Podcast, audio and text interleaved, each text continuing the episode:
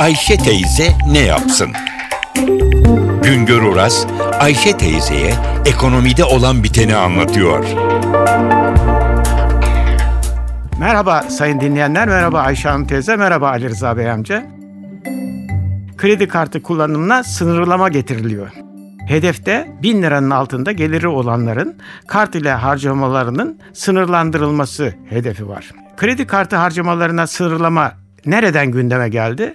Kredi kartı borçlarında batık oranı %4,98 gibi çok düşük bir oran.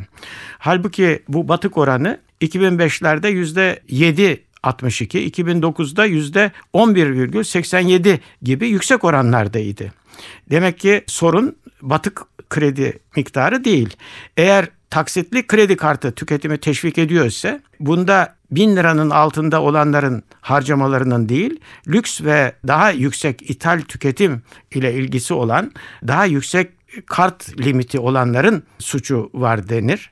56,5 milyon kişinin kredi kartı var. Bir kişinin birden fazla kredi kartı olabildiği için kaç kişi kredi kartı kullanıyor tam olarak bilemiyoruz. Kredi kartı aslında bir ödeme aracı. İnsan cebinde para taşıyacak yerde ödemesini kart ile yapıyor. Ama geliniz görünüz ki bizde son zamanlarda borçlanma aracı haline geldi. Kredi kartının taksitlendirilmesi imkanı çok kişi için gelecekteki gelirini daha önceden harcama şansını verdi. Özellikle alt gelir grubundakiler için taksitlendirme geçim harcamalarına büyük destek sağlıyor. Yapılan açıklamalara göre 56,5 milyon kartın %8'ini oluşturan 4,5 milyon kart aylık geliri 1000 liranın altında geliri olanlara ait. Aylık geliri 1000 liranın altında olanlar kartın iki katına kadar harcama yapılabiliyordu. Şimdilerde bu değişikliklerden sonra ancak 1000 lira harcama yapabilecekler.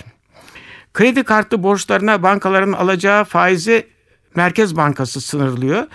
Bugünlerde bu faiz yüzde 2,12 dolayında, gecikme faizi ise 2,62 dolayında. Korkulan alt gelir grubunun kredi kartlarına getirilecek sınırlamadan sonra mecburiyetten bu kredi kartı sahiplerinin taksitli satışlarda tefecilerin ellerine düşmesi, şimdiden tefecilerin kart sahiplerini arayarak eğer paraya ihtiyacınız varsa bizler size destek veririz demeye başladıkları söyleniyor ki bu da çok olumsuz bir gelişme.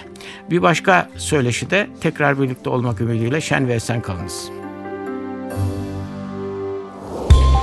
Güngör Uras'a sormak istediklerinizi ntvradio.com.tr adresine yazabilirsiniz.